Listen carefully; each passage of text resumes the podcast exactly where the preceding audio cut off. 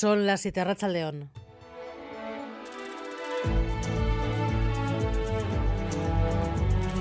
Gambara con Arancha García. La catarata de los abusos sexuales a niños y niñas no puede esconderse, aunque los casos afloren décadas después. Pendientes de la investigación de la denuncia en el Lointec Guernica, se abre una nueva en Escolapios con las denuncias de dos exalumnos a un religioso fallecido el año pasado por agresiones ocurridas en los años 70 en el Colegio de Bilbao. Dan credibilidad a las denuncias en el colegio, pero antiguos alumnos denuncian que todo se haga tan tarde. Me llama la atención que se diga ahora desde el centro religioso que em, a través de esas denuncias se ha abierto una investigación. Está bien que llegue ahora, pero creo que se podría haber hecho bastante antes. En aquellos años hubo ya alguna reunión en la que alguien, algunos padres denunciaron y de hecho de ahí se procedió a que este sacerdote cambiara de colegio, algo que ha debido hacer varias veces a lo largo de su vida. Otro problema irresuelto, las políticas de inmigración. Europa ha optado por endurecer el control de las fronteras y por un mecanismo, la solidaridad a la carta para que los gobiernos puedan pagar por no acoger solicitantes de asilo pagando 20.000 euros por cada uno. En Francia, además, la ley de inmigración amenaza la estabilidad del gobierno Macron y han dimitido los ministros de Sanidad y Medio Ambiente y a esta hora hay prevista una comparecencia del presidente. Solo la extrema derecha aprueba la reforma y eso ha generado un terremoto político en Francia. En Deva, entre tanto, avanza la investigación para aclarar la muerte de una mujer que fue alcanzada por una bala perdida en su casa. No se descarta que esa bala atravesara uno de los jabalíes muertos en la batida que se estaba llevando a cabo en la zona. En esta batida participaron 23 cazadores, eh, de los cuales solamente 6 dispararon ese día, por tanto solamente hay 6 personas que dispararon. Eh, cayeron eh, abatidos 5 jabalíes, dos en el entorno más cercano a la vivienda en la que se produjo la muerte.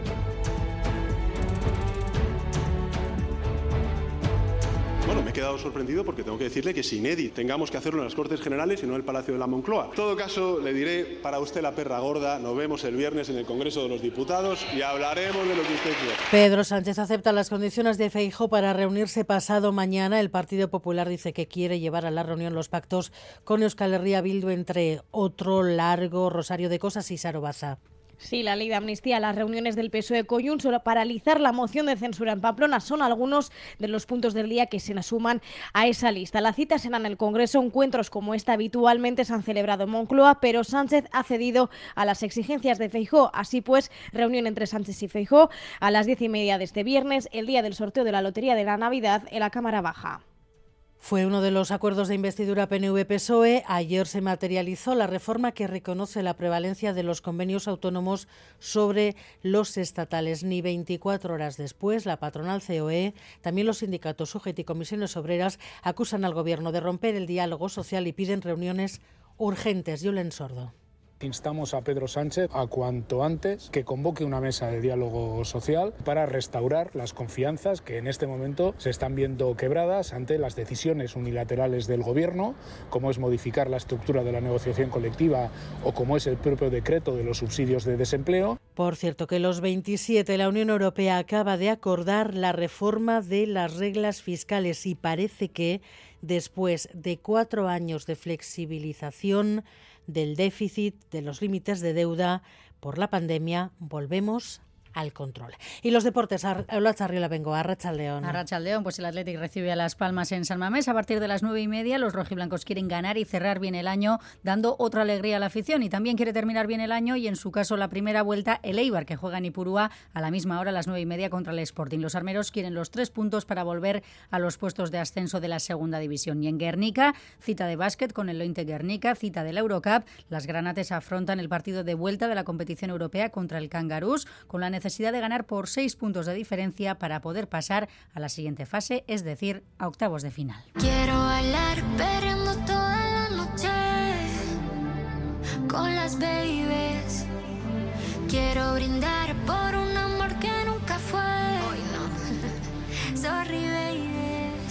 Bueno, pues es la sensación de estas navidades agotada en todas las jugueterías, la Nancy Aitana Edermenchaca.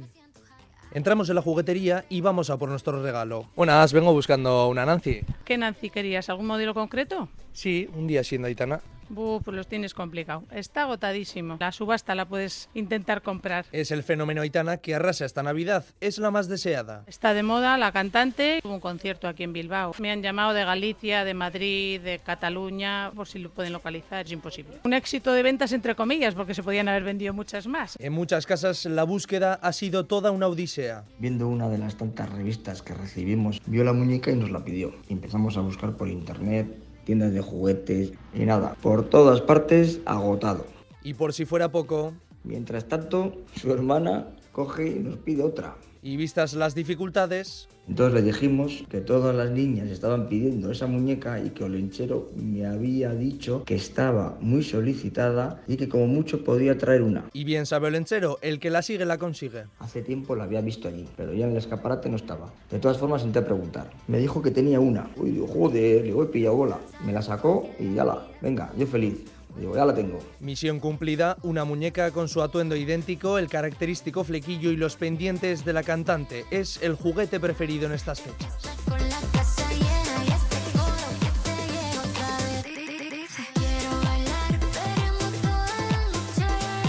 Y atentos porque quien no lo consigue en las tiendas, en algunas páginas están vendiendo por hasta 60 euros. Esta muñeca, la sensación de las Navidades. Miguel Ortiz y Alberto Zubeldia están en la dirección técnica, Cristina Vázquez en la producción.